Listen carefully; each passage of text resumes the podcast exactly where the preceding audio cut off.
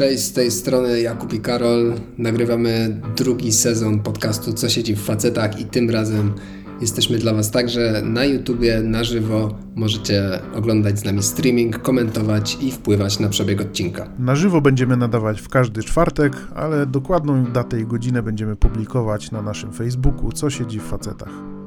Dołączenie do streama jest bardzo proste.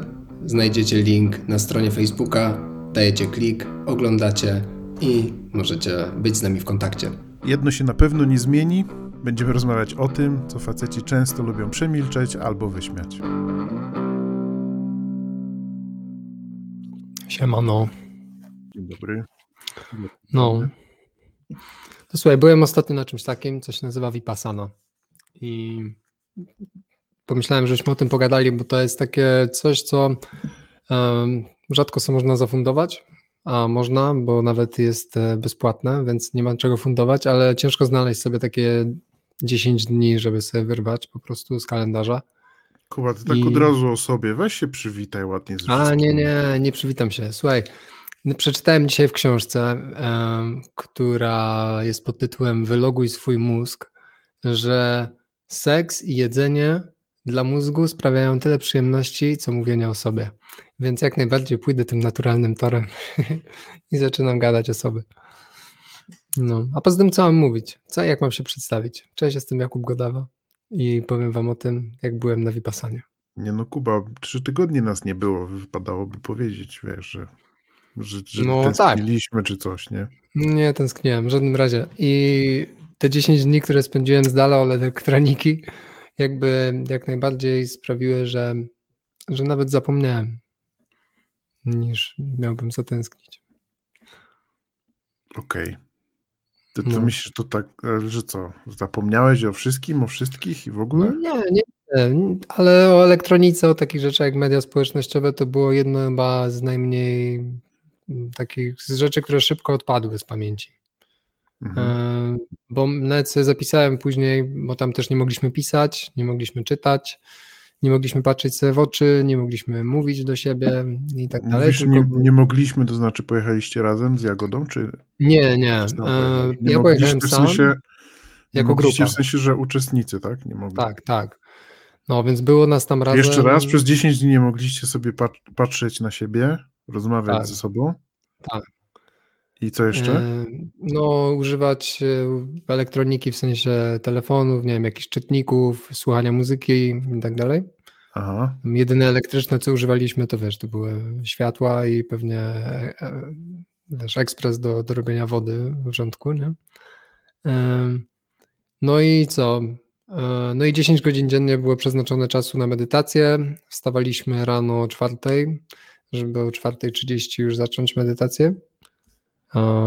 I tak do 6.30, później było śniadanie.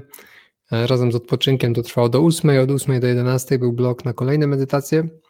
Później od 11 do 13 był obiad i odpoczynek, a mm, od 13 do 17 znowu 4-godzinny blok medytacji, od 5 do 6 e, owoce, woda i odpoczynek, czyli nie było jako takiej kolacji tam, tylko owoce i, i ten. Między 6 a 7 była kolejna medytacja, później była godzina wykładu i na końcu do 9 jeszcze medytacja jedna i później do spania. Mhm. I taki dzień świstaka trwał 10 dni, bo pierwszy dzień, jakby łącznie wycieczka trwa 12, nie? że przyjeżdżasz, e, rejestracja i tak dalej, i, później masz 10 dni pełnego kursu, i jeszcze jest ostatni dzień no, pożegnania i tak dalej. I na dziesiąty dzień już można ze sobą pogadać. Tam od 9 rano, więc, więc to jest taki e, dzień amortyzacyjny przed wejściem do świata, gdzie się normalnie rozmawia ym, gdzie uczestnicy ze sobą gadają. Nie? Złamałeś zasadę przez przypadek chociaż?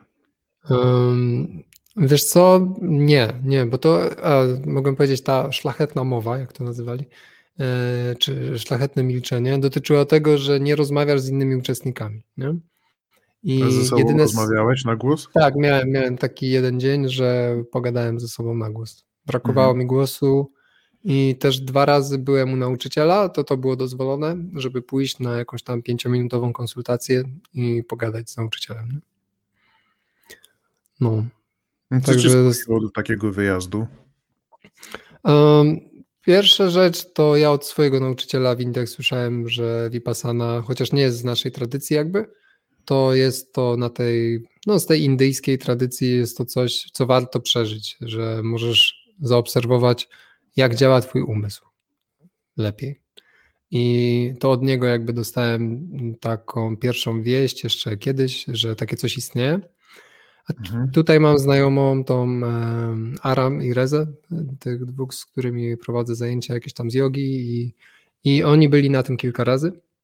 Mhm. No więc też e, powiedzieli, że na pewno mi się spodoba i, i ten, żebym skorzystał, bo w Polsce jest jeden z takich e, no, najciekawszych, e, chyba najbardziej komfortowych powiem, ośrodków do zrobienia tej vipassany. Z tego, co na końcu nam pokazywali taką mapkę, że w Szwajcarii też jest jeden ośrodek, pamiętam, bo specjalnie patrzyłem tak pod kątem ciebie. Mhm. I bo w Polsce jest tak, że każdy ma swój pojedynczy pokój. Jest to e, zbudowane tam w województwie łódzkim w Dziadowicach, niedaleko Turka. I e, oni tam bardzo fajnie pokazują, że transparentnie właśnie podchodzą do finansów, że to całe przedsięwzięcie na razie ich kosztowało e, ponad 20 milionów złotych i wiesz, nie stoi za nimi jakaś większa instytucja, tylko bardziej to jest taki kolektywna zrzutka e, tak, e, tej społeczności buddyjskiej, nie? Sekta znaczy. No, no, no, wiadomo. No, wiesz, oni typowo, wiesz, tak mówią, bo to, to jest coś, z czym miałem kłopot, powiem, do, do czwartego dnia. E, tam jest duże takie mówienie, że my nie jesteśmy sekciarzami, nie? że to nie jest sekta i ten, na tych, na tych wykładach właśnie Pierwszy, ja wiesz, no, alarm, nas... pierwszy no, alarm mi się w głowie zaświecił, nie? No, no, no. Jedna rzecz, która na pewno odróżnia ich od sekty, ja nie nazwałbym raczej sektą ich, bo tak, ani ci nie mówią, kim jesteś, ani ci nie mówią, w co masz wierzyć. Dobra, ale poczekaj, ustalmy fakty, bo mówisz, oni mówią i tak dalej. Vipassana to jest nazwa czego konkretnie? Vipassana to jest nazwa techniki medytacyjnej, która historycznie pochodzi od Buddy, Gautamy Buddy, tego znanego Buddy, 2,5 tysiąca lat temu, co się narodził i swoją, e, swoim wglądem doszedł do oświecenia i później je zaczął nauczać. I między innymi mhm. nauczał tą techniką vipassany, mm, która ta pasana to chyba jest od e, to znaczy e, spojrzenie, wgląd, a V to jest właśnie jakiś taki wgląd większy jeszcze, nie? Więc mhm. E, technika polega na tym ogólnie, żebyś mógł doświadczyć rzeczywistości w obrębie doświadczenia swojego ciała. E, czyli, że nie ma tutaj ani żadnej werbalizacji, ani wizualizacji, nie robisz niczego, co by sprawiało, że musisz coś zaśpiewać, w coś uwierzyć, zrobić jakiś rytuał, nie ma niczego takiego. Jedyne co robisz, to siedzisz i przez pierwsze cztery dni czy trzy obserwujesz swój oddech. Nie masz nawet robić ćwiczeń tego rodzaju e, kontroli oddechu, że masz jakoś tam wciągać powietrze odpowiednio, a później je wydychać tylko masz obserwować, jak ono wpada do, przez nos i jak wypada. Mhm. Nie? I trudnością pierwszą jaką jest to, że przez pierwsze dwa dni ja na przykład szukałem pozycji, w której jestem w stanie wysiedzieć tak długo, bo, um, bo nagle wiele pozycji staje się niewygodnymi, nie? Więc Musisz gdyby ktoś siedzieć, się wyprawił... możesz leżeć albo wstać? Nie, nie, trzeba siedzieć koniecznie. A dlaczego? No, tego wymaga ta technika. Y, dlaczego? Pewnie dlatego, że po pierwsze masz wtedy mniejszą możliwość zaśnięcia, jakoś układ nerwowy inaczej pewnie w pozycji pionowej działa. Mhm. No i, i, być może, że to chodzi o to. Czyli nie wiesz konkretnie. Okay. Nie, no nie. I też nie było jakby na to dużej takiej, wiesz, mówienia o tym, raczej ludzie przyzwyczajeni byli, że jak medytacja, to na siedząco. Nie? Um, no bo też nie ukrywajmy, tam nie przyjeżdżał ktoś, kto nigdy nie słyszał o medytacji na przykład, nie? To raczej już jest dla tych, którzy, no, którzy chętnie by podeszli. Mhm. No. Mm. No, a później kolejną techniką jest to, że wiesz, takie coś jak często się słyszy body scan, nie? Że skanujesz swoje ciało, jakby, jakby czujesz, nie wiem, jak się czuje twój bark, twoja ręka, twój brzuch i tak dalej. I tak um, i, i po prostu w ten sposób jesteś świadomy swojego ciała. No i na końcu jest jeszcze taka praktyka współczucia, że i to właśnie na ostatni dzień dopiero jest, że po tych wszystkich 10 dniach obserwacji swojego ciała, jeszcze do tego dodajesz taki, taką no, kroplę uczucia dobrego, powiedzmy, nie? od siebie. Yy, tak, żeby to ten cały wgląd też rozpromieniał na zewnątrz. Nie? No i i powiedz mi, jak ty na przykład tego słuchasz, jakie tobie pytania najbardziej przychodzą do głowy?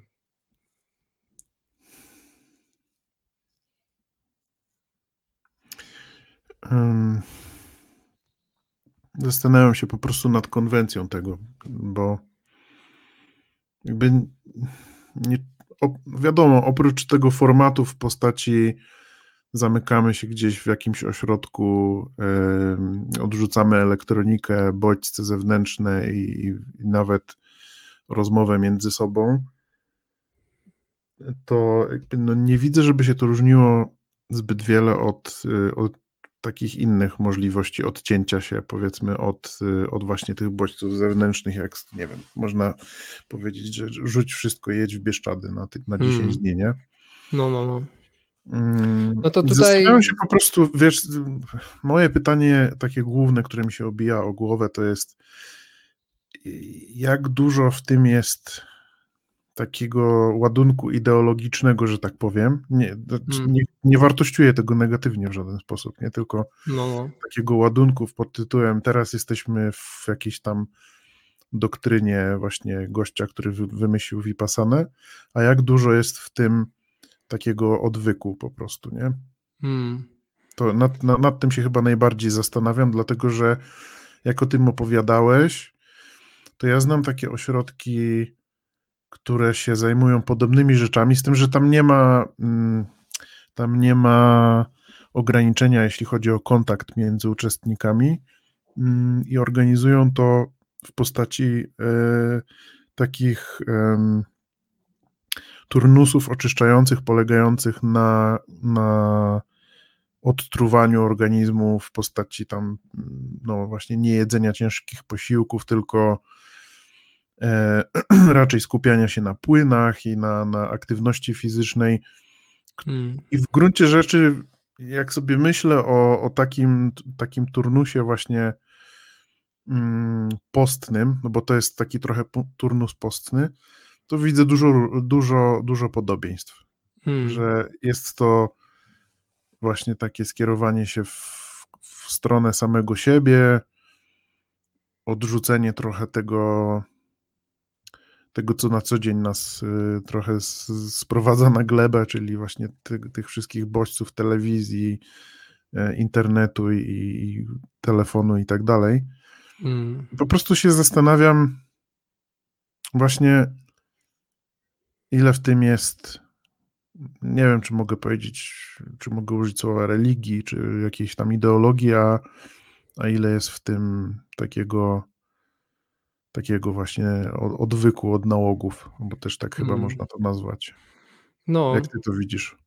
No na pewno te 10 dni e, to jest jakiś okres, gdzie jeżeli na przykład ktoś przyjeżdżał i pił dużo kawy wcześniej, bo jedną taką koleżankę tam miałem to powiedziała, mhm. że to, to było coś, co pozwoliło jej trochę zacząć czas bez kawy teraz, nie?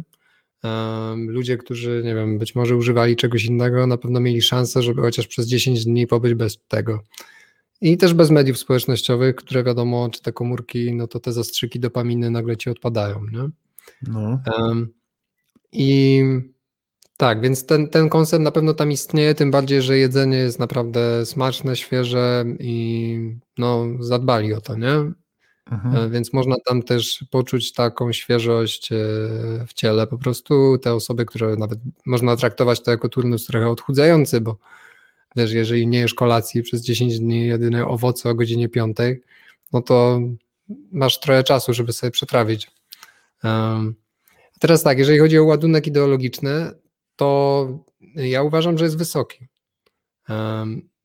I pomimo tego, że jest on przedstawiany jako niesekciarski, jako uniwersalny, jako taki, który opiera się na zasadach, które wszystkie religie czy jakieś etyczne pomysły i tak wyznają, chcąc nie chcąc, no wiesz, nie kradnij, nie zabijaj, nie, i takie podstawy, mhm. które są tam przedstawiane, to oprócz tego ładunku, który byśmy przypisali większości religii bez problemu, to do tego dodany jest jeszcze ten ładunek praktyczny mocny. I na to jest y, nakierowane najwięcej, że wiesz, oni mówią, że sam Buddha mówił, nie, e, nie wierz mi na słowo, to, że ja tak mówię, to, to ja tak mówię, bo ja tak doświadczyłem, e, ty doświadcz sam, nie? I o tyle jest to niesekciarskie, że to doświadczanie siebie w tym przypadku nie, nie sprowadza się do niczego więcej niż do oddychania i obserwowania swojego ciała i siedzenia. Więc więc o tyle ten ładunek jest bezpieczny, można powiedzieć. Nie jest taki nachalny. Jedyny jaki jest może jest problem, że nie masz przestrzeni na to, żeby z tym ładunkiem dyskutować. I to na przykład y, może wywoływać dużo stresu w ludziach, że słyszą jakąś, no umówmy się, ideologię, no bo y, czemu nie? Ale właśnie nie ma przestrzeni na dyskusję, nie? na debatę na ten temat, więc to też jest odcięte po to, żeby jeszcze bardziej, żebyś mógł zaobserwować swój taki e, umysł, który nie jest zaangażowany nawet w bodźce intelektualne przesadne. Mhm. No. No i myślę, że tym się różni na pewno od takich wyjazdów, wiesz, e, o których ty mówisz, o takich turnusach e, odświeżających organizm, że po pierwsze to milczenie to nie jest tylko tak, że sobie milczysz, więc po prostu się nie odzywasz, tylko ten bodziec rozmowy jest bardzo zagłuszający do tego, co być może tkwi w tobie od dłuższego czasu i nie ma kiedy wyjść, bo ciągle jesteś zajęty albo jakimś bieżącym tematem, albo jakąś rozmową, albo jakimś telefonem, nie? Więc tam jest na to przestrzeń i, i oprócz tego no, ta technika też y, wprowadza cię w pewien taki stan medytacyjny ciała, który polega na tym, tak z, wiesz, z odczuwalnego punktu widzenia, że przestajesz czuć trochę to ciało jako wiesz, rękę, tą rękę i tak dalej, tylko jak tak długo siedzisz, to ono zaczyna być takie jednolite mocno. I nawet jeżeli masz splot rąk tak, że palce są, wiesz, założone między siebie, to po jakimś czasie nawet nie czujesz, że tak masz. Bo one już jakby tak się ujednoliciły, takie czujesz schomogenizowane ciało trochę, jak siedzisz w ten sposób. A jednocześnie masz bardzo taki jasny umysł, który obserwuje wszystko to, co ci przychodzi do głowy. I też w tych momentach medytacyjnych, kiedy robisz to poprawnie, no to jest też w stanie się skoncentrować mocno na jednym punkcie, na przykład, co samo w sobie w odczuciach jest czymś E, czego raczej na takich turnusach no nie uświadczysz, nie? Dlaczego?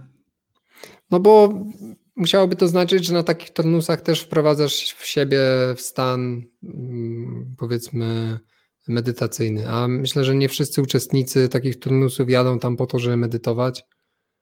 Um, a to nie jest to samo, co usiąść sobie i odsapnąć, to nie jest to samo, co usiąść nad wodą i pogrzebać w piasku, a później przejść się na spacerze i podziwiać naturę.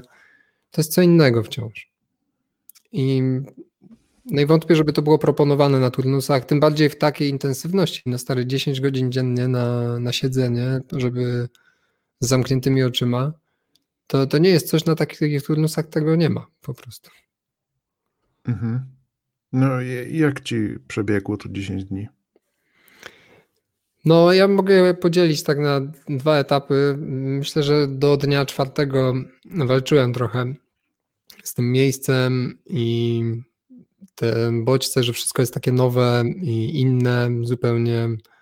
I to, że ja nie mam możliwości rozmowy o tym, co tam słyszę, a mam dość bogatą wiedzę na temat y, kultury. Co tam słyszałeś, jak nikt z nikim nie rozmawiał? No bo tak jak mówiłem, są wykłady co wieczór, nie? I te wykłady polegają no. na tym, że był taki nauczyciel, który zmarł chyba tam w 2003 roku bodajże, albo 2013, nie pamiętam.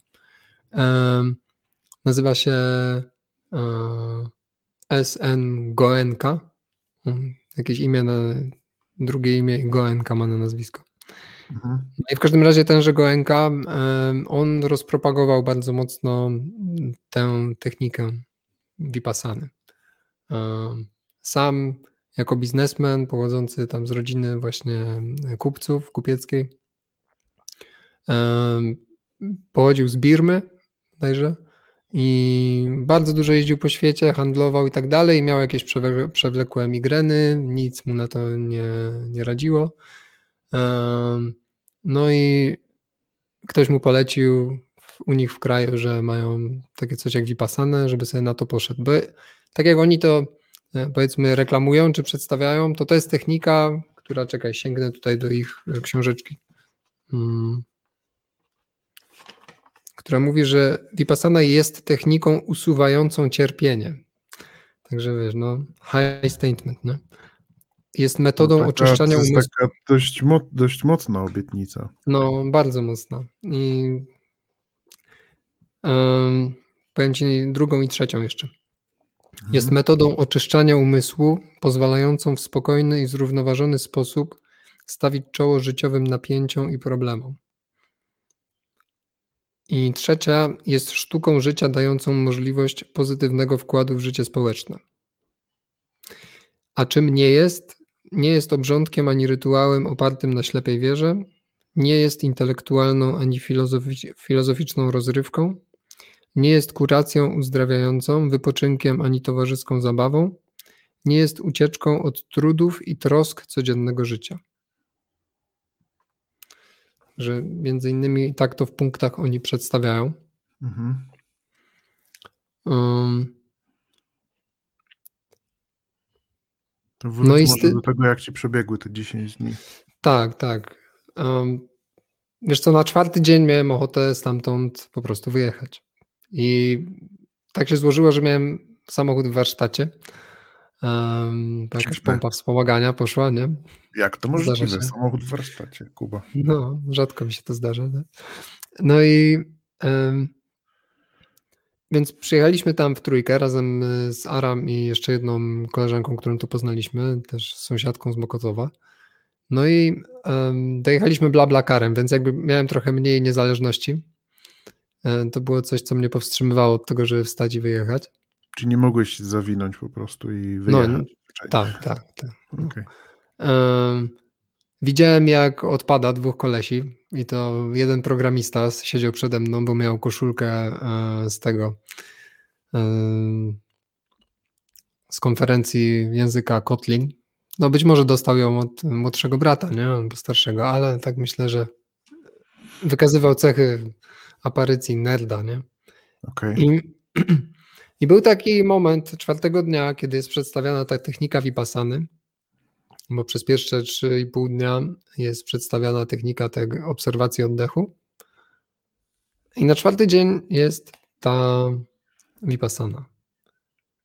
I po prostu to był kurs tłumaczony z angielskiego na polski, nie? Mhm.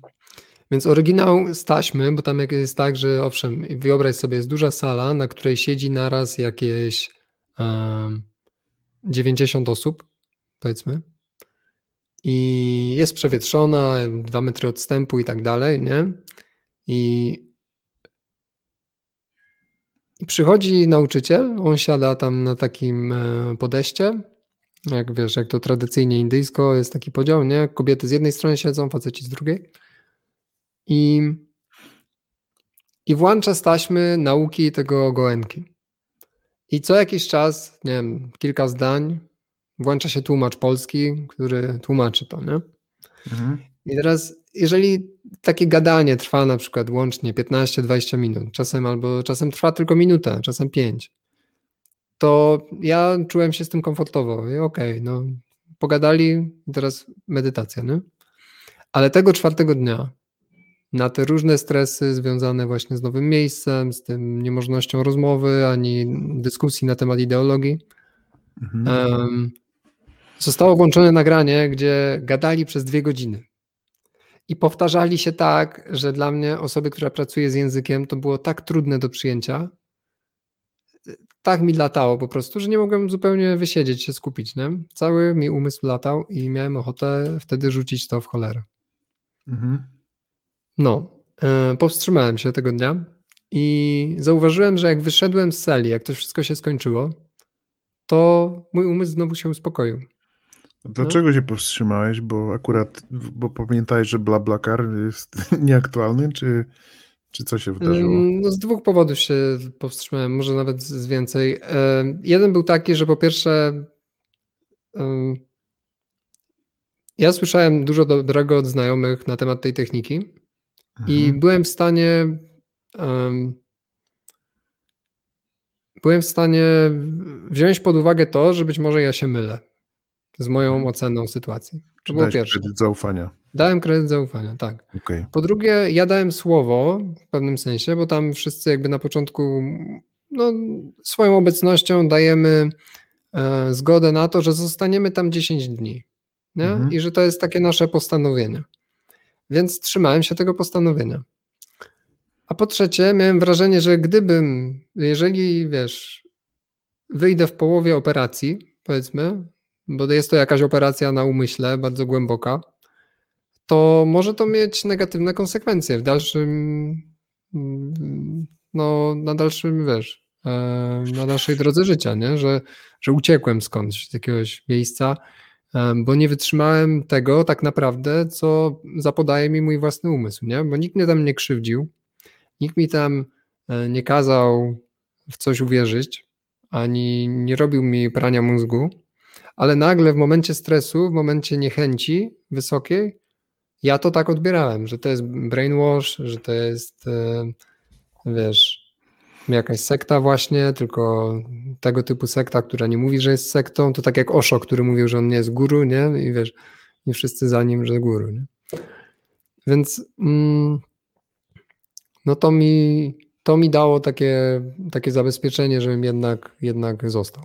I dobrze się stało, że zostałem, bo dowiedziałem się ciekawych rzeczy i, i zauważyłem, że od tej połowy czwartego dnia aż do końca miałem stabilny umysł, że jedynym moim wyzwaniem było to, żeby robić odpowiednio praktykę, e, wyciągać wnioski z moich obserwacji wewnętrznych, ale nie miałem już takiego rozchwiania jak przez pierwsze cztery dni, że wiesz, pół dnia myślałem sobie, wow, no polecę każdemu jak wrócę, nie, w ogóle, ale super. Um, ale czat, ale mam szczęście, że mam, znalazłem 10 dni w życiu, gdzie mogę się od wszystkiego odciąć i skupić się na sobie. A drugie pół dnia mówię, kurde, nigdy więcej tu nie przyjadę, w ogóle co za, co za miejscowa i no, co za błąd, nie? Lepiej było zostać w domu i być produktywnym, zrealizować jakiś plan, przygotować się do nowej pracy i tak dalej. Myślisz, że gdzie jest racja? No, pewnie też to ten złoty środek buddyjski. Ja myślę, że racja jednak jest tutaj po tej stronie, że dobrze, że jeżeli już pojechałem, to że zostałem do końca, że na tym polegała ta praktyka, aby zaobserwować to, co sprawia ci cierpienie, czyli to, że nie potrafisz zachować zrównoważonego umysłu w momencie, jak masz jakieś mocne pragnienia albo mocną awersję do czegoś. I przez pierwsze cztery dni, można powiedzieć nawet już w perspektywie tego piątego i szóstego dnia to widziałem, że mój umysł się równoważył właśnie z tych ekstremów, żeby osiągnąć jakiś stan równowagi, żeby w nim mógł pozostać przez sześć dni chociaż ostatnich. I to doświadczenie jest ważne, że ja wiem, że jak gdzieś wchodzę, to ok, może być nierównowaga na początku, ale później jestem w stanie o nią zadbać. E, no, Okej. Okay. Myślisz, że to jest za wszelką cenę? Powinno się tak robić? No nie. Nie, gdyby tam się działy takie alerty, takie wyraźne czerwone flagi, które nawet po przemyśleniu u mnie w pokoju albo coś by mi dawały ciężko znać, że, że to jest sekta, e, to wtedy bym wyjechał. Czy wiesz, nie już abstrahując od sekty, bo to jakby jest chyba dla mnie najmniej ważne w tym całym temacie, hmm. po prostu się zastanowiłem, czy, nie wiem, czy jesteś w stanie na to odpowiedzieć, ale Powiedz mi, czy przed rozpoczęciem była jakaś rozmowa z organizatorami w ogóle? Tak, tak. Tak, wszyscy wiesz, zastanawiam, zastanawiam się, wiesz, jest dużo ludzi, którzy, chodzi, którzy, którzy chodzą po świecie i są poważnie zagubieni, nie? No, no. E, często ci ludzie mają e, no mają problemy natury psychicznej, nie? Nawet mm. nie, tu nie chcę ich, nie chcę takich osób w żaden sposób stygmatyzować i mówić, że są chorzy psychicznie, bo to nie o to chodzi, ale wiesz, no ale no, fakt faktem mają wyzwania na tle psychicznym. No jasne, tak, są tacy ludzie. Tak, i są, są ludzie, wiesz, którzy mają jakąś tam jakiś zalążek e, choroby dwubiegunowej albo jakiś zalążek schizofrenii i się po prostu zastanawiam, czy wiesz, czy czy organizatorzy takiej Vipassany biorą pod uwagę, że mogą spotkać się z takimi osobami i hmm. na przykład efekty, wiesz, takiego dziesięciodniowego pobytu, teoretycznie oczywiście z legalnego punktu widzenia, z prawnego punktu widzenia, sami się na to zgadzają, nie? Tak. Więc tutaj no, nikt, nikt, nikt nikogo do niczego nie zmusza, ale się zastanawiam, czy organizatorzy sprawdzają to w jakiś sposób, czy czy osoby są, wiesz, przygotowane na to, że faktycznie, znaczy wiem, że nie można być do końca przygotowanym, bo to jest jednak wyzwanie też y, i, i, i pewnego rodzaju terapia, ale y, czy są, czy, czy osoby, które się zgłaszają, nie mają jakichś, y, no wiesz, no niedogodności związanych z własną psychiką, które mogłyby hmm. tylko zostać pogłębione przez te 10 dni.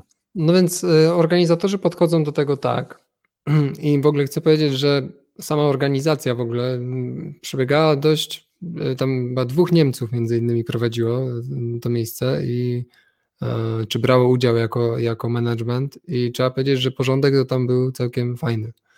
Ale oni robią tak, ten ich formularz rejestracyjny jest dość rozbudowany i.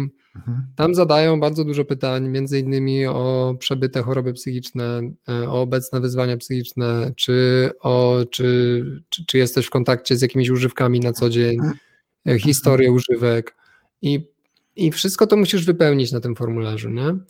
I okay. oni na podstawie tego w ogóle wstępnie odsiewają ludzi i wiesz, mówią, że, że nie można. Nie? Później, jeżeli już ten formularz jest w porządku, i jeszcze raz podkreślam, bardzo dużo szczegółowych pytań tam zadają w tym formularzu. Mhm. I widać, że, że to, o czym mówisz, że to jest zagrożenie, owszem, i starają mhm. się jak mogą, ale polegają na zaufaniu, wiesz, tego, że co, co ludzie im powiedzą, to to jest prawda. Nie? No, na uczciwej deklaracji, rozumiem. Tak, dokładnie. Mhm. Wtedy ludzie przyjeżdżają, muszą wypełnić taki formularz długopisem jeszcze raz na miejscu, swoim pismem. Praktycznie te same pytania, trochę inaczej wygląda tylko. I i tak, jak w momencie, jak siadasz do stolika, żeby oddać ten formularz, są dwie osoby, które z tobą rozmawiają, przeglądają ten formularz, zadają ci jakieś pytania, wiesz, patrzą ci w oczy, patrzą jak reagujesz, też pewnie mają do czynienia już jakieś doświadczenie, że wyczują, jeżeli ktoś ma mocny problem psychiczny, nie? Jasne, jasne. Okej, um, okay, no, okay, rozumiem. No, no, a później jest grupowa rozmowa, oni czytają regulamin cały, wiesz, można zadawać pytania i jest taka luźna gadka, wszyscy sobie siedzą. Um, no, aż w końcu przychodzi moment, że zaczynamy, no. I że od tego momentu już zachowujemy milczenie i tam.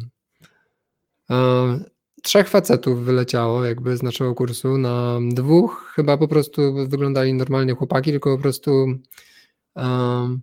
jeden nie wytrzymał w momencie te, tego czwartego dnia, tej dwugodzinnej właśnie gadaniny. Mhm. Wyszedł z sali w ogóle, wiesz, nie dał rady jakby. Drugi wyjechał jakoś podobnie, zdecydował, pojechał.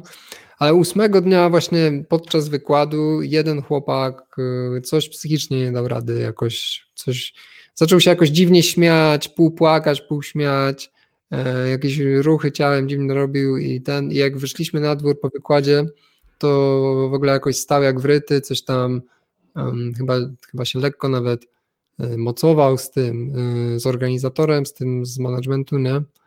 Więc widać, że, że jemu coś, coś tam nie pykło. I, no i później oni mieli spotkanie i z tego co wiem, to na następny dzień e, tego faceta już nie było, nie? cokolwiek to znaczy, ale chyba opuścił posterunek po prostu. No. Aha, okej. Okay. No, okay, ale tak czyli... jak umieli, to się spytali. No, i... Czyli w miarę odpowiedzialnie do tego tak, podchodzą. Tak. Nie, no spoko, to dobrze, dobrze, ciekawe. No. Ciekawe, ciekawe. Wiesz, I to, co mają fajnie, na przykład, jest to organizacja taka mm, międzynarodowa, można powiedzieć. W takim sensie, że tych swoich ośrodków mają po świecie rozsianych ponad 200. A fajne jest to, że każdy z nich jest zarządzany lokalnie. Nie ma centralnej władzy i nie ma takiej, wiesz, hierarchii wielkiej, jak w niektórych e, instytucjach zajmujących się cokolwiek tam pod duchowość podejdzie. Nie? Dobra, no coś musi być, no bo przecież muszą zachowywać jakieś swoje standardy, nie? Czy no, no, no to... Jakaś franczyza to musi być, no wiesz. Ktoś musi dyktować jakieś warunki gdzieś, nie? No to jeżeli chciałbyś się dowiedzieć więcej, to zobacz u nich, jak oni to mają, bo ja na pewno mam mniejszą świadomość taką ekonomiczną, wiesz, i z tego, co patrzę, co oni piszą, to właśnie e, nie jest tak, żeby za nimi e, coś stało. Tu jest nawet, o, ja ci przeczytam, finansowanie kursu.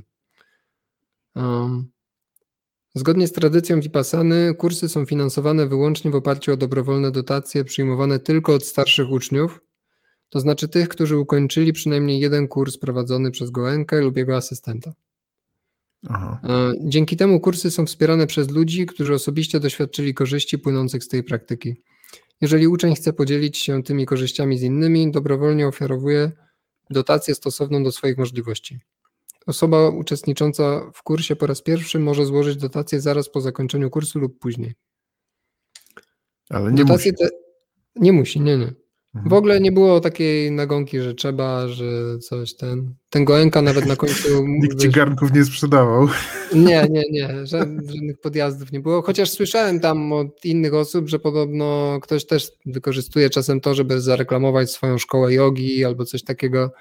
To nie jest to w porządku, myślę, ale, ale ja na tym kursie nie doświadczyłem tego. Nie było tych reklamodawców. Mhm. E, dalej czytam. Dotacje, dotacje te są jedynym źródłem finansowania kursów organizowanych na całym świecie.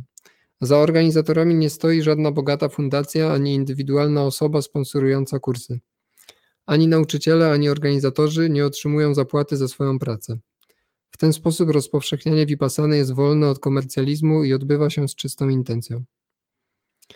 Niezależnie od tego, czy dotacja jest duża czy mała, powinna ona być oferowana z intencją pomocy i służenia innym cudzysłowie, kurs, w którym brałem udział, odbył się dzięki hojności osób wcześniej uczestniczących w takich kursach. Teraz ja chciałbym coś ofiarować po to, aby mógł odbyć się kolejny kurs, dzięki któremu inne osoby będą mogły skorzystać z dobrodziejstw tej techniki. I rzeczywiście jest tak, jak mówią, no bo jeżeli nie skorzystałeś z tego, nie pasuje ci to, no to nie wspieraj, nie?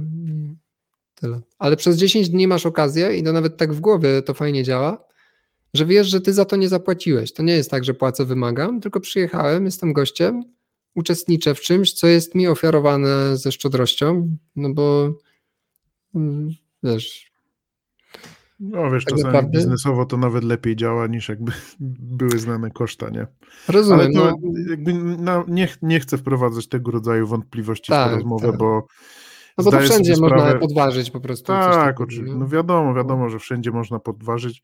Też nie, nie powiem, że mam 100%, 100% zaufania do takich systemów, nie? Hmm. I zdaję sobie sprawę, że. A, a, ale zdaję sobie sprawę, że, że takie miejsce po prostu z czegoś musi się utrzymywać, no bo nie jest na innej planecie i nadal musi tak. to wszystko z czegoś y, sponsorować, nie? No i widać tam społeczność tych zaangażowanych ludzi, tych starszych uczniów, o których mówią, że mhm. ludzie wracają. Wiesz, tak jak, nie wiem, czy ty zobaczyłeś w końcu ten serial o Osho, ten Wild Wild Country? Tak, tak, rozmawialiśmy no, o tym, widziałem. To wiesz, no. to tam oni, on miał wpływ na bardzo wiele normalnych ludzi, ale też zamożnych ludzi, ale nie, że pojedynczą, bogatą osobę. I wiesz, jak się znajdzie wiele, wiele osób, którym się coś podoba, no to, to kasa jest, nie? I, No wiadomo, pewnie, pewnie. I myślę, że to, ta historia jest tak samo realna, tylko tutaj no, nie funkcjonuje taki paradygmat guru w takim, w takim zakresie, nie? Aż. Mhm. No. No dobra, no i po tych 10, 10 dniach zakończył się ten cały, cały proces i wracałeś do domu i co o tym myślałeś? No, myślałem głównie o tym, że bardzo skuteczny był ten proces. Um, Mhm. wiesz, skuteczny pod tym względem, że jak wiesz, no, rozmawialiśmy o duchowości, o mojej wierze i tak dalej, ale e, doświadczenie takie organoleptyczne, którego doznałem przy tym kursie, e, sprawiło, że musiałem też zintegrować bardzo dużo swoich poprzednich em, ideologii czy, czy podejścia w ogóle. I to chyba było no, takie i radosne, ale też najtrudniejsze, nie? Bo radosne z tego względu, że doświadczyłeś czegoś bardzo głębokiego właśnie, Mhm. a wyzwanie, no bo wiesz, jak to się teraz ma do tego, w co wierzyłem wcześniej, nie? No i jak się ma? No i to jest ciekawe. Um, bo ja ten kurs rozpatruję nie pod względem duchowym, tylko pod względem poznania tego, kim jesteśmy od strony materialnej. Ponieważ tak jak siadasz na początku pierwsze dni, obserwujesz swoje ciało, boli cię kark, boli cię tyłek, boli cię plecy i tak ten, to jest bardzo takie fizyczne uczucia masz, nie? Ale im bardziej znajdziesz już swoją pozycję i jesteś już e, w tym oddechu byłem taki no, spokojniejszy, mogłem w tą medytację wejść łatwiej i głębiej, to te odczucia takie właśnie bólu w ciele przeszły. E, Chyba jedynym odczuciem, jakim czasem zostawał, to jak po dwóch godzinach siedzisz w tej samej pozycji, to rzeczywiście tyłek już boli naprawdę fest, nie? Bo chyba się tak, wiesz, mięśnie rozluźniają, kości naciskają i tak dalej. Mhm. Um, ale do czego zmierzam? Do tego, że zaczynasz odczuwać swoje ciało na bardziej subtelnym poziomie. I raz, co rozumiem pod słowem subtelne, już ci mówię. Um, tamta technika jest nastawiona na to, żebyś, żebyś zauważał w swoim ciele takie zmysłowe odczucia, że na przykład jak oddychasz, to ci, wiesz, strumień powietrza dotyka wąsa albo nozdrzy czy ust, coś takiego. I skupiasz się na wąskim fragmencie, żeby to zobaczyć. To jest ta pierwsza trzydniowa technika. A później coraz bardziej jesteś świadomy też innych części swojego ciała w taki podobny sposób, że, się, że jakby skupiasz na nich uwagę wewnętrzną. I zacząłem czuć takie rzeczy, których wcześniej w taki sposób nie czułem. Um, I to, o czym Ci teraz będę mówił, może w którymś momencie nawet zabrzmieć jak coś paranormalnego, prawda? Bo do tego też takie słowo um, czy, czy, czy parapsychologicznego, czy no nie wiem, taki, takie odczucia na przykład jak um, to, że że czujesz swoje ciało jako taką jednolitą masę trochę, która widzisz, jak bardzo reaguje na to, co myślisz. Że zaczynasz czuć, w zależności od tego, co ci się pojawia w umyśle, zaczynasz to czuć w ciele. Że jesteś już w takim stanie wrażliwości, w momencie jak siedzisz długo i to już jest szósty dzień czy któryś, że zaczynasz widzieć powiązania pomiędzy tym, co pojawia ci się w przestrzeni mentalnej, a tym, co pojawia ci się w przestrzeni cielesnej. Mhm. Ok? Mhm. I jest takie wrażenie, że ten. Co, co w tym też pomagają wykłady, oczywiście, trochę, żeby zrozumieć, że, że to, co nazywamy umysłem nieświadomym, tak naprawdę przez cały czas pracuje poprzez nasze ciało, że nasze ciało cały czas dostaje jakieś bodźce z zewnątrz albo coś nam mówi, tylko że my nie jesteśmy do tego dostrojeni, bo zajmujemy się sprawami bardziej takimi praktycznymi. A w momencie, jak cały czas właśnie nie dajesz im zewnętrznych e, jakichś bodźców, tylko się możesz skupić na tych odczuciach, które pochodzą od środka, no to ja poczułem osobiście, nawet jakby to się to widać od środka, bez żadnych wizualizacji, że jest połączenie pomiędzy tym, co się dzieje w tym umyśle, a tym, co ci się dzieje w ciele. Mhm, I... Tutaj Agnieszka, Agnieszka próbuje to ubrać w słowa i pyta, czy, czy chodzi o to, że zaczynasz wibrować daną myślą. U, mm, no, nie wiem. Ja tego w takich słowach nie zrozumiałem, ale y, gdybyś ty miała swoje doświadczenia z tym związane, to być może właśnie coś takiego mogłoby ci się zgadzać. Nie? Dla mnie na przykład y, to zdanie nie jest moje, i, a odczucia były tak osobiste, że ciężko by mi było powiedzieć tak albo nie. Um, no, idąc dalej, to to to, z czego zacząłem sobie zdawać sprawę, że to wszystko, co ja sobie myślę, co ja sobie w życiu chcę, czego nie chcę, i czując to bardzo swoje ciało jako coś takiego, że wcześniej tak tego ciała od środka nie widziałem po prostu. to dotarło do mnie takie, takie przekonanie, które początkowo było bardzo ciężkie i nawet chwilowo przygnębiające, że że wszystko to, to, jest, y, to jest przyczyna mojego cierpienia. Wszystko to znaczy co wszystko? No, wszystkie te moje, na przykład to taki przykład. E, przez, na trzeci dzień bardzo mocno chodziła mi po głowie piosenka. Nie? Zacząłem komponować sobie w głowie, wiesz, całą symfonię różnych y, znajomych, którzy by w tym mogli zagrać, różne teksty, różne wizualne rzeczy i tak dalej. Chodziła za mną z wielką pasją. I aż zacząłem, wiesz, mieć takie pragnienie, żebym mógł po prostu wyświetlać z umysłu na rzutnik to, co mi przychodzi do głowy i pokazywać to znajomym, żebyśmy się wspólnie cieszyli i tak dalej. Ale w którymś momencie, jak to, wiesz, już trochę czasu minęło, zacząłem zauważyć, że to jest też duży szum w mojej głowie, że to mi zaczyna tak jakby dużo energii zabierać. I mhm. patrzeć też na to tak, że wiesz, że, że, że w sumie sprawia mi to trochę takiego bólu, że ja tego nie mogę wykonać w tym momencie, że ja chciałbym, ale nawet samo to, że jestem tutaj uziemiony jeszcze przez 7 dni, sprawia, że ja nie mogę tego e, rozegrać, nie? Mhm. I wiesz, co do tego jeszcze, że o, to się ludziom spodoba, spodoba, więc przez to mój status społeczny wzrośnie, albo jakieś inne tam zastrzyki, wiesz, dopamin i tak dalej, e, to wszystko wiązało się z olbrzymim cierpieniem. I... Ale z cierpieniem, bo to się nie może ziścić w tej danej chwili, czy z cierpieniem, bo co?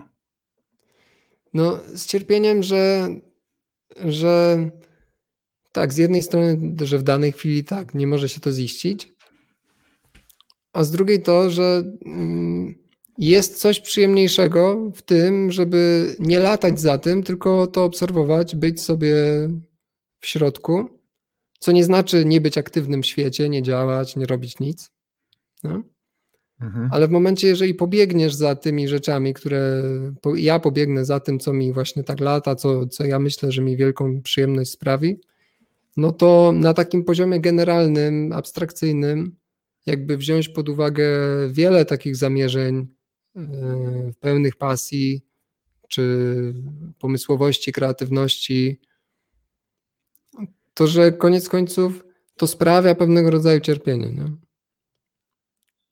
Bo to się może udać, to się może nie udać, to może ci przynieść szczęście, może być krótkotrwałe, możesz to stracić, możesz coś zyskać, ale na jak długo, nie wiadomo, a koniec końców jeszcze umrzesz. I tak, wiesz, dokąd Czyli, że to ta zmierza? niepewność, że to, ta niepewność sprawia cierpienie, tak? No, też, też. I, I to hmm. przestało być dla mnie takie intelektualne dzięki tej praktyce, bo jakby to, wiesz, no taki, to jest taki, taki niemalże dogmat indyjskiej myśli, że wszystko jest cierpieniem, nie? To, to nie jedna z filozofii powtarza takie rzeczy. Ale w momencie, jak spojrzysz na to tak, że, że, że to nie jest jakaś wiadomość, która, która dodatkowe cierpienie ci sprawia, e, tylko świadomość tego, że tak właśnie jest na tym poziomie um, ciała i subtelnego, i tych myśli, i tego, jak ciało na to reaguje, mhm. że, że zaczynam, tam odczułem, że, że jest ogromna prawda w tym istnieje i jakby miałem takie poczucie, że w tym momencie zacząłem ucieleśniać tą prawdę, bo doznałem jej od wewnątrz. I łatwiej mi było wtedy powiedzieć, że aha, czyli ja jestem obserwatorem tego wszystkiego. Ale kim jest ten obserwator? Nie? I tutaj musiałem sobie powiedzieć szczerze i otwarcie, że ja nie wiem, kim jest ten obserwator. A tak jak wcześniej nauczałem, bo i prowadzę zajęcia z jogi, czy wiesz, od 8 lat siedzę w tym, to ja miałem takie przekonanie i teraz mogę je bardziej powiedzieć, że jest to przekonanie na bazie intelektualnej i na bazie wiary, że jestem duszą, że jest Bóg itp. Ale ja nie mam doświadczenia tego. Ja nie ucieleśniam sobą tego, że jestem duszą, tego, że jestem sługą Boga, że Bóg istnieje.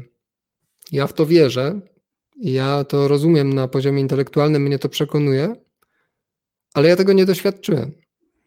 Czyli, że sama wiara, jakkolwiek ona nie byłaby głęboka, nie jest doświadczeniem jeszcze. Jeszcze u mnie nie. I mhm. zdaję sobie sprawę, że podobnie ktoś może mieć doświadczenie tego typu i być urzeczywistnionym sługą Boga. I teraz zaczynam rozumieć, co znaczy słowo urzeczywistnienie. Że analogicznie do tego, że na przykład mogłem przeczytać w książce, że nie jesteś ciałem, nie jesteś umysłem, jesteś kimś innym, nie? No ale mogłem to tylko wiedzieć sobie umysłowo. No okej, okay, niech będzie, niech tak jest. No, nawet niech w to uwierzę, że tak jest. Ale teraz na przykład mam doświadczenie tej części. Mhm. Wiesz, można oczywiście powiedzieć, no jesteś w błędzie, twoja introspekcja ma wiele wad, bo twój umysł właśnie zrobił na tobie podwójny trik, albo wiesz, nic nie wiesz o tym, jak działa twój mózg, nie? Okej, okay, ja jestem otwarty na dalsze doświadczenia, ale obecnie to było bardzo głębokie. I zintegrowanie tego, jak to właśnie wcześniej mówiłem o sobie, a jak teraz mogę o sobie powiedzieć, albo z jakiej perspektywy mogę nauczać jogi teraz, no jest inne, nie? A co więcej, takie doświadczenie, które miałem tutaj na tej Vipassanie jest dostępne bez konfliktu ideologicznego też dla osób, które nie wierzą w nic. I to jest bardzo um, coś, co sprawia, że ta technika rzeczywiście no, i działa na wszystkich sekciarzy czy wyznawców czegokolwiek, i działa na osoby, które, e, których nie interesuje duchowość z jakiejkolwiek przyczyny. Nie? Mhm. No. Agnieszka znowu zadała pytanie, czy korzystałeś z wieczornych konsultacji z mentorem w sprawie medytacji? Jeśli tak, to jak to wyglądało? Mm, tam nie było wieczornych konsultacji. E, mentor był dostępny o godzinie 12. Spotkałem się z nim dwa razy. Raz e, piątego dnia po tym właśnie jak czwartego dnia miałem problem z, z tą praktyką. A drugi raz jakoś chyba ósmego czy dziewiątego dnia, żeby też mu powiedzieć właśnie, że zauważyłem, że po prostu mam e, stabilniejszy umysł, nie? Stabilny po prostu od tamtego czasu, że pracuję. I on też, jak to jeszcze, pyta, jak to wyglądało? No wyglądało to tak, że mm, wpisywałem się na listę osób, które są chętne do spotkania z nauczycielem Później szedłem do sali medytacyjnej, gdzie parę osób czekało, była kolejka, ja wchodziłem, jak była moja kolej. No i on siedział na tym podwyższeniu, ja siadałem na poduszce, rozmawialiśmy. No i mogłem mu zadać wtedy swoje jakieś pytania, wątpliwości. No i jednym z pierwszych było to, że ja powiedziałem, że po prostu jak tego czwartego dnia przez dwie godziny było tyle powtórzeń, to miałem tego pociórki w nosie i naprawdę było mi ciężko, nie? No i jasne, ale też z taką, taką pokorą, że ja wiem, że problem nie leży w tych nagraniach, tylko w moim umyśle, że akurat ja na to zareagowałem. Tym bardziej, że ja nosiłem w sobie taką e, mroczną, no, e, koszmar można powiedzieć, e, od wielu lat, że jak sobie wyobrażałem jakąś torturę, którą by na, na, mnie mieli robić, to właśnie taką, że jestem zamknięty w celi i przez cały czas puszczają mi jakieś powtarzalne dźwięki. I że ja od tego wariuję w którymś momencie. Ja miałem, miałem takie jakby, no nie wiem jak to się mówi, mroczna fantazja, czy, czy koszmar, czy to, czego się boi człowiek, nie? Mhm. I jakby tutaj mogłem się z tym spotkać po prostu. w jakimś takim bezpiecznym nawet formacie, nie? Bo to nie było aż tak.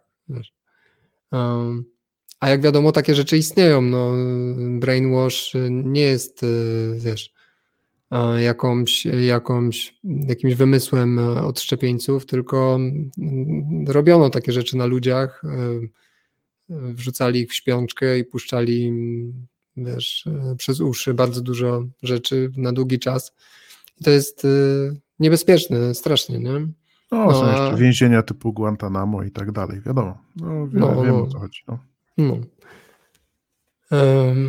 Kolejną rzeczą, którą chciałem się z Tobą podzielić, A która poczekaj, też za... jeszcze, jeszcze Agnieszka hmm? jeszcze jedno zadanie, pytanie zadała, bo jest dociekliwa. Czy to był jedyny czas, kiedy się odzywałeś? E, nie, to nie był jedyny czas. Jak mówiłem wcześniej, jeszcze raz miałem taki moment, że musiałem sobie odbyć taką krótką rozmowę ze sobą w pokoju. Mówiłem do ściany. I chyba raz jeszcze menadżera poprosiłem o olej, e, bo czułem, że od tego oddychania robi mi się sucho i mhm. przez to jak po jakimś czasie medytuję, to nie mogę medytować dalej. I sobie brałem olej przez nos i wtedy mogłem medytować dłużej. Także można powiedzieć, że to wszystko, ale do żadnego uczestnika się nie odezwałem, z nikim sobie tam nie podałem ręki na, na ośrodku, no bo tam też jest właśnie taki zakaz kontaktu fizycznego. O tu na czasie. Mm. No, tak, no byliśmy w maseczkach też w większości miejsc, zwłaszcza tam, gdzie wiesz, trzeba było. A na dworze były, były miejsca do spacerów, to tam nie, nie. No dobra, tam były jakieś takie zasady, jak mówisz, że były odczytane. To jak, jak to wyglądało? Jakby ktoś złamał zasady raz, to od razu wylatuje, czy ma nagany, czy. Nie wiem, spodziewałem się po tym, jak rozmawiam z tymi ludźmi, że, że na pewno by z nim pogadali, powiedzieli mu mhm. tego tutaj nie rób. Gdyby wiesz, ktoś cały czas próbował schakować system, no to może by go wyprosili, ale to, okay. to, nie był to taki system, wiesz, automatycznego zwolnień. No, mhm. no fajni okay. ludzie i tacy, wiesz, na ludzie dość. A jednocześnie mhm. stare, zorganizują przestrzeń, która jest dość sztuczna, nie? No ale mają ku temu jakiś zamysł. Miałeś jakąś myśl w głowie, że chciałeś coś jeszcze tak. powiedzieć. Mhm. Wiesz co, przeżyłem coś takiego, bo od tego siedzenia, jak się dużo siedzi, to trochę się, dużo osób się garbi i ja też między innymi, zwłaszcza jak ci puszczają mięśnie, żeby siedzieć, to czasem wiesz, jest takie zejście, nie? Mhm. E, więc też, żeby znaleźć pozycję, w której możesz siedzieć prosto, no to jest sztuka kolejna. Ci, co dużo praktykują jogę, no to albo w ogóle mają jakiś sposób na siedzenie prosto przez długi czas, to mają plus duży. Um, postanowiłem sobie w pokoju swoim zrobić takie e, coś, żebym się mógł odgiąć, nie? W drugą stronę.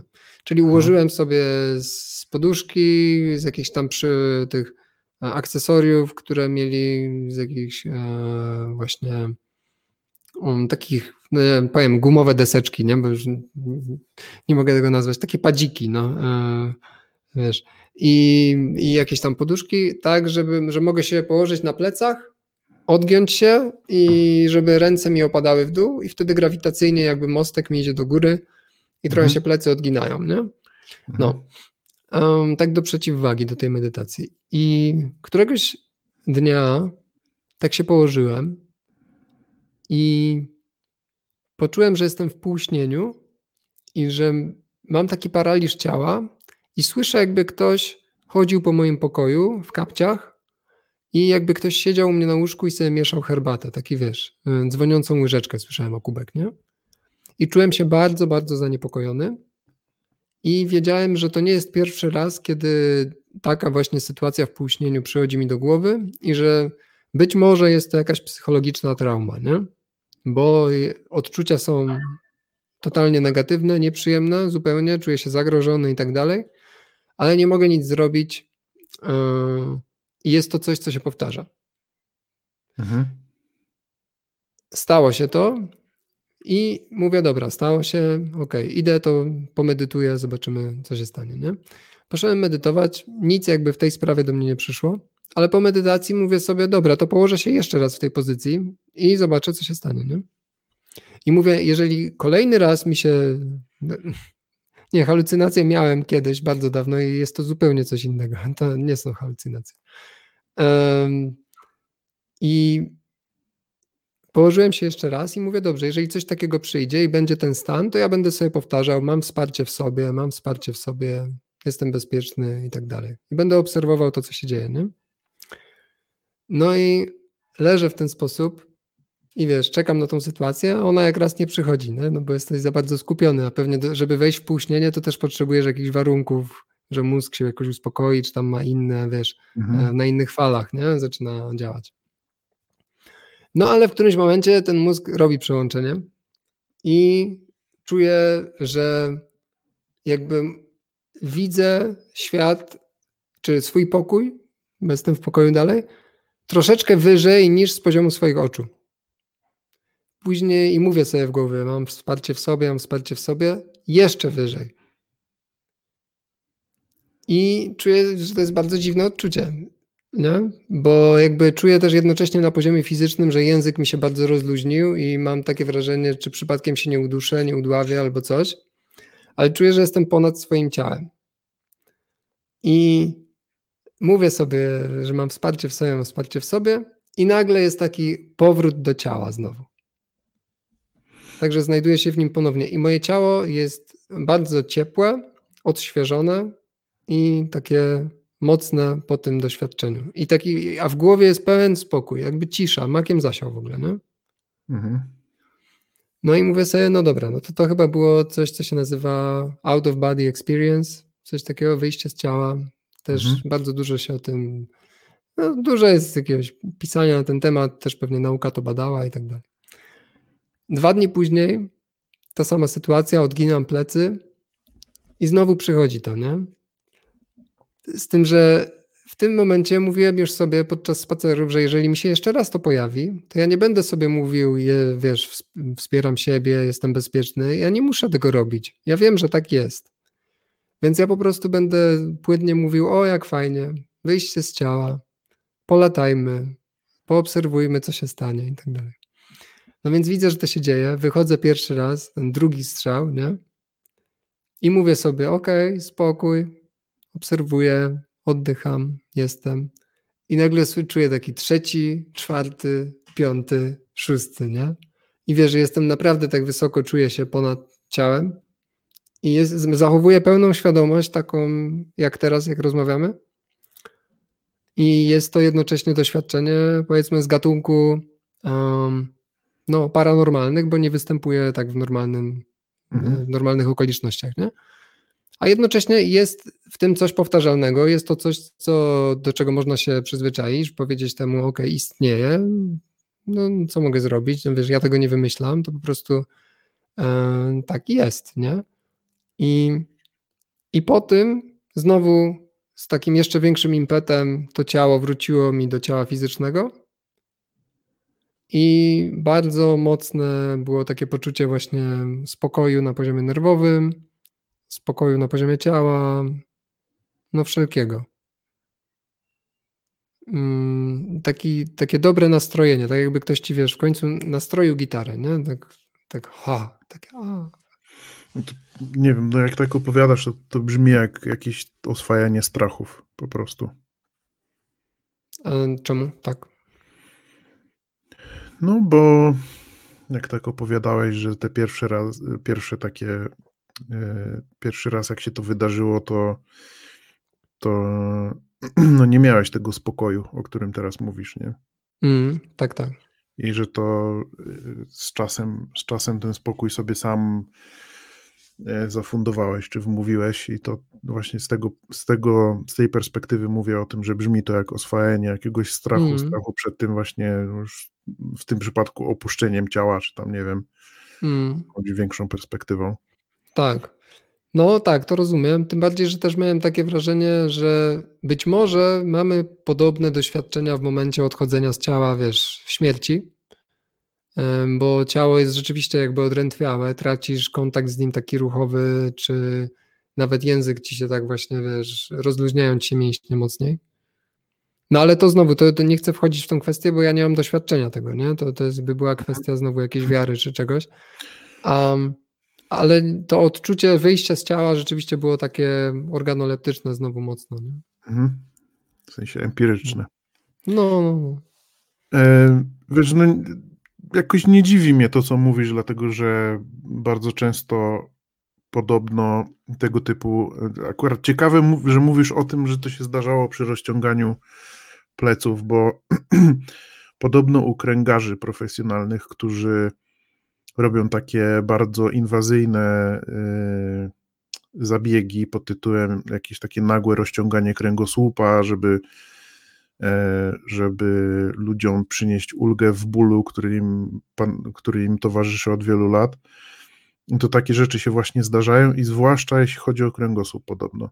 Hmm, no. Że jeśli kręgarz zastosuje jakąś taką bardzo inwazyjną technikę w postaci właśnie rozciągnięcia nagłego kręgosłupa, czyli pociągnięcia za głowę, albo e, no wiesz, przeskoczenie kręgów w jakiś sposób, to bardzo często podobno się zdarzają rzeczywiście określa się to jako halucynacje, ale to nie do końca są halucynacje, bo hmm. ci ludzie nie mówią, że nagle widzą ufolutki, nie? Albo albo że niebo ma inny kolor, albo że wiesz, ci się no, no, kręci nie... przestrzeń i widzisz spiralę, no, no. to, to tak, jest tak, inna to jest, kategoria zdarzeń tak, jest. Dokładnie, więc oni nie mają halucynacji, często się to tak określa, ale wydaje mi się, że e, że po prostu w angielskim to słowo ma trochę inne znaczenie chyba. Właśnie hmm. nawet, że, albo inaczej, że ma podwójne znaczenie to, tego właśnie półsnu i, i halucynacji, które można wywołać, nie wiem, narkotykami, nie? czy czymś innym. Hmm. I no. czytałem o tym y, wiele razy i nawet widziałem taki film niedawno, chyba w zeszłym tygodniu, na którym jakiś gość tam cierpiał na, na poważne bóle kręgosłupa i był leczony przez kręgarza przez ileś tygodni i na samym końcu właśnie był ten taki, wiesz, ostateczny zabieg, który polegał na ułożeniu go w, w odpowiedniej pozycji, tam był trochę skręt y, tułowia i potem właśnie pociągnięcie takie hardkorowe za, za głowę, które powodowało y, właśnie, wiesz, rozciągnięcie kręgosłupa i y, na tym filmie ten gość po prostu y, jakby odleciał zupełnie, nie? No, no. Właśnie tak mówił, wiesz, coś na zasadzie o kurczę, nie jestem pewien, czy ja umarłem, czy jeszcze żyję, co się dzieje, wiesz. I tak no. była narracja na świeżo tego gościa i wyglądało to dość e, trochę upiornie, ale w gruncie rzeczy wyglądało to jak, jak coś, co mu przyniosło taką mega wielką ulgę. No, no, być może w kręgosłupie i po tym właśnie jak tam się coś rozluźnia, to można poczuć jakieś subtelniejsze rzeczy też.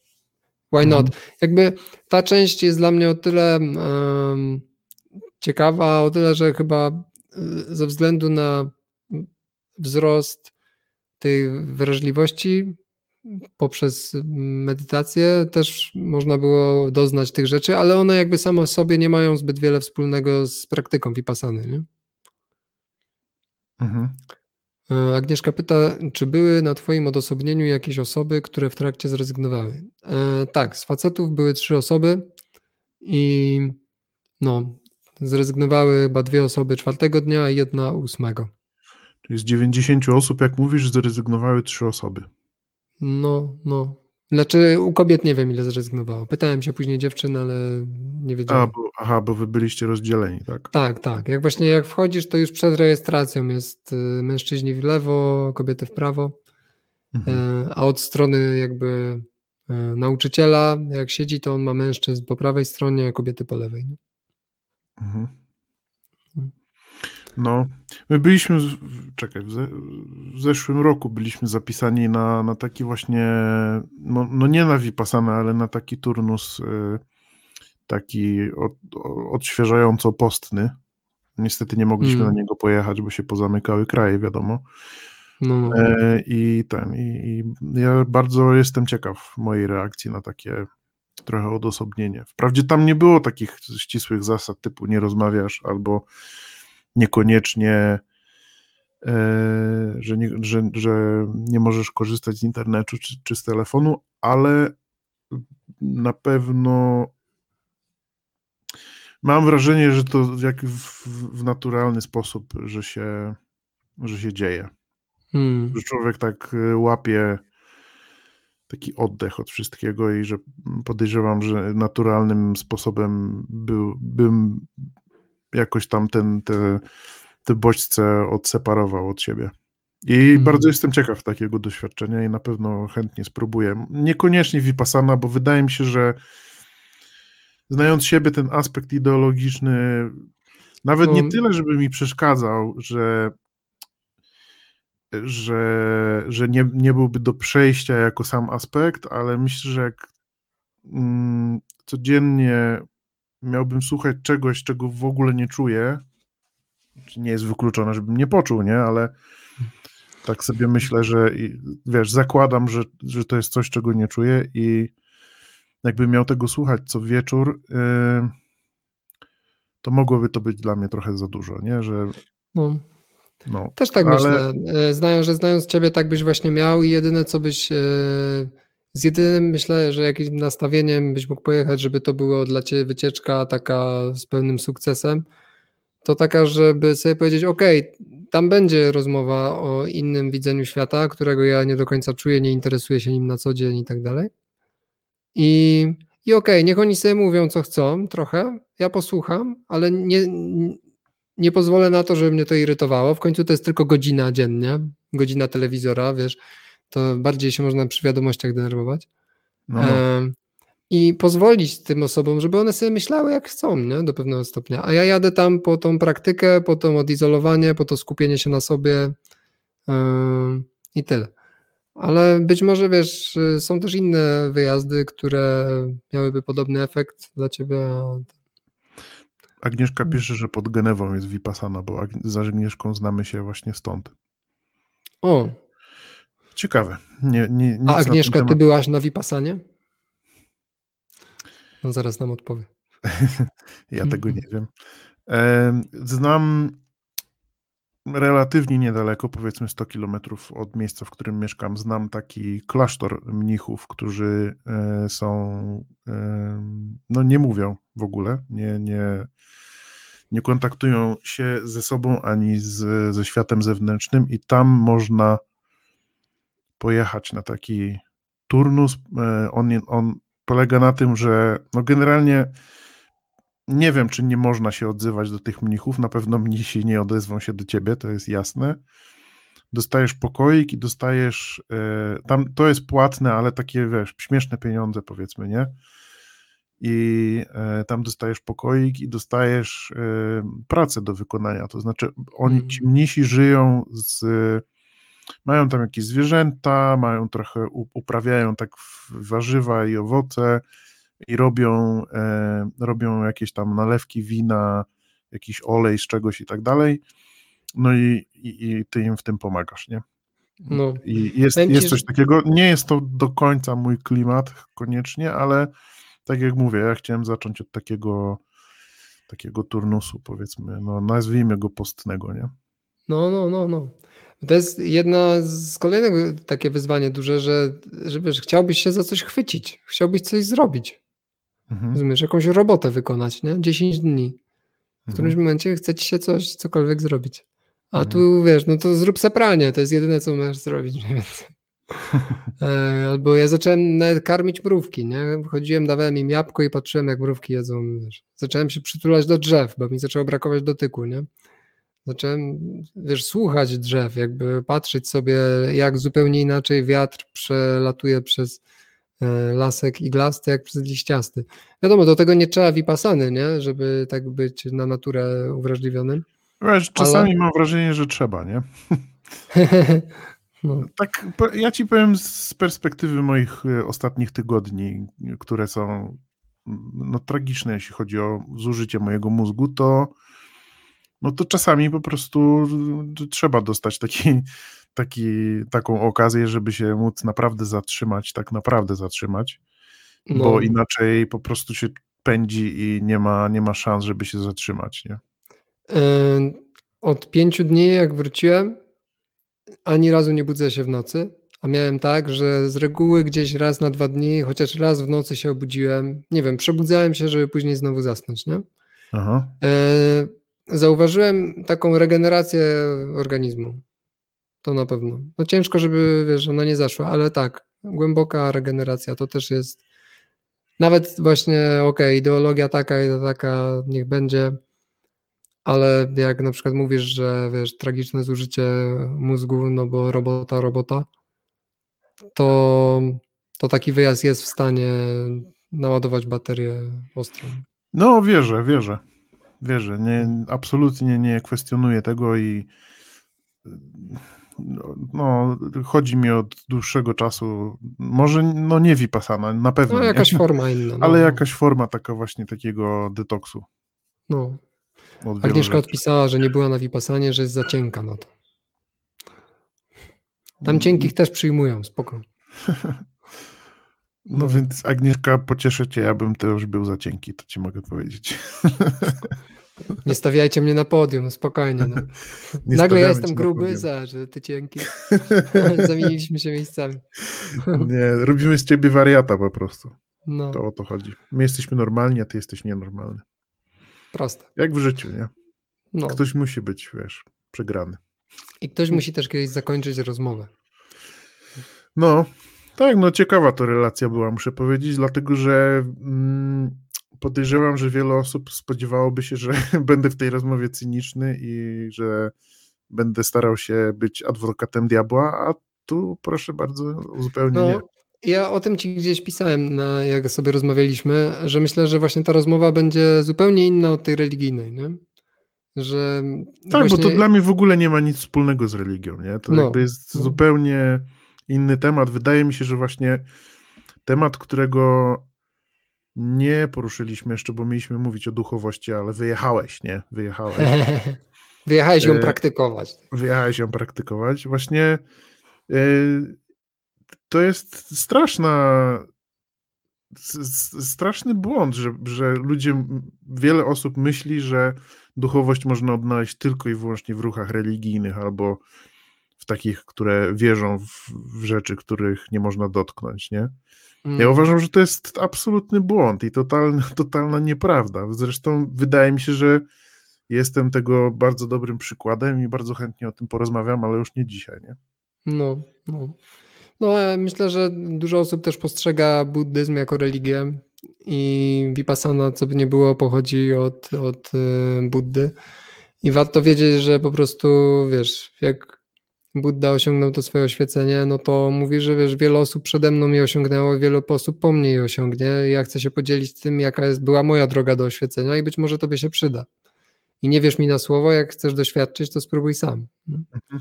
I to jest coś, co też ludziom daje taki, wiesz, no dużo osób ma dosyć religii z różnych powodów.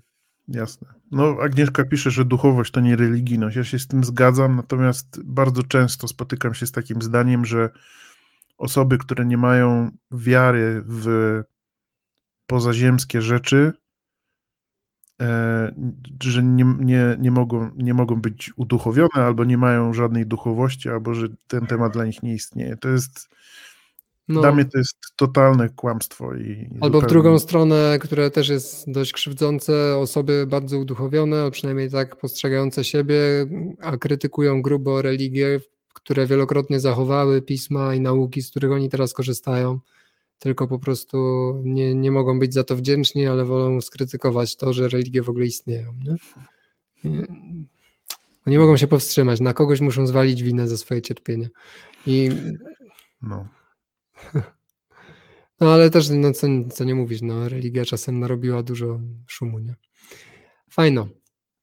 To dzięki Ci, Karol. Super no, rozmowa. Zleciała jak spłatka, to godzina no, 20 minut.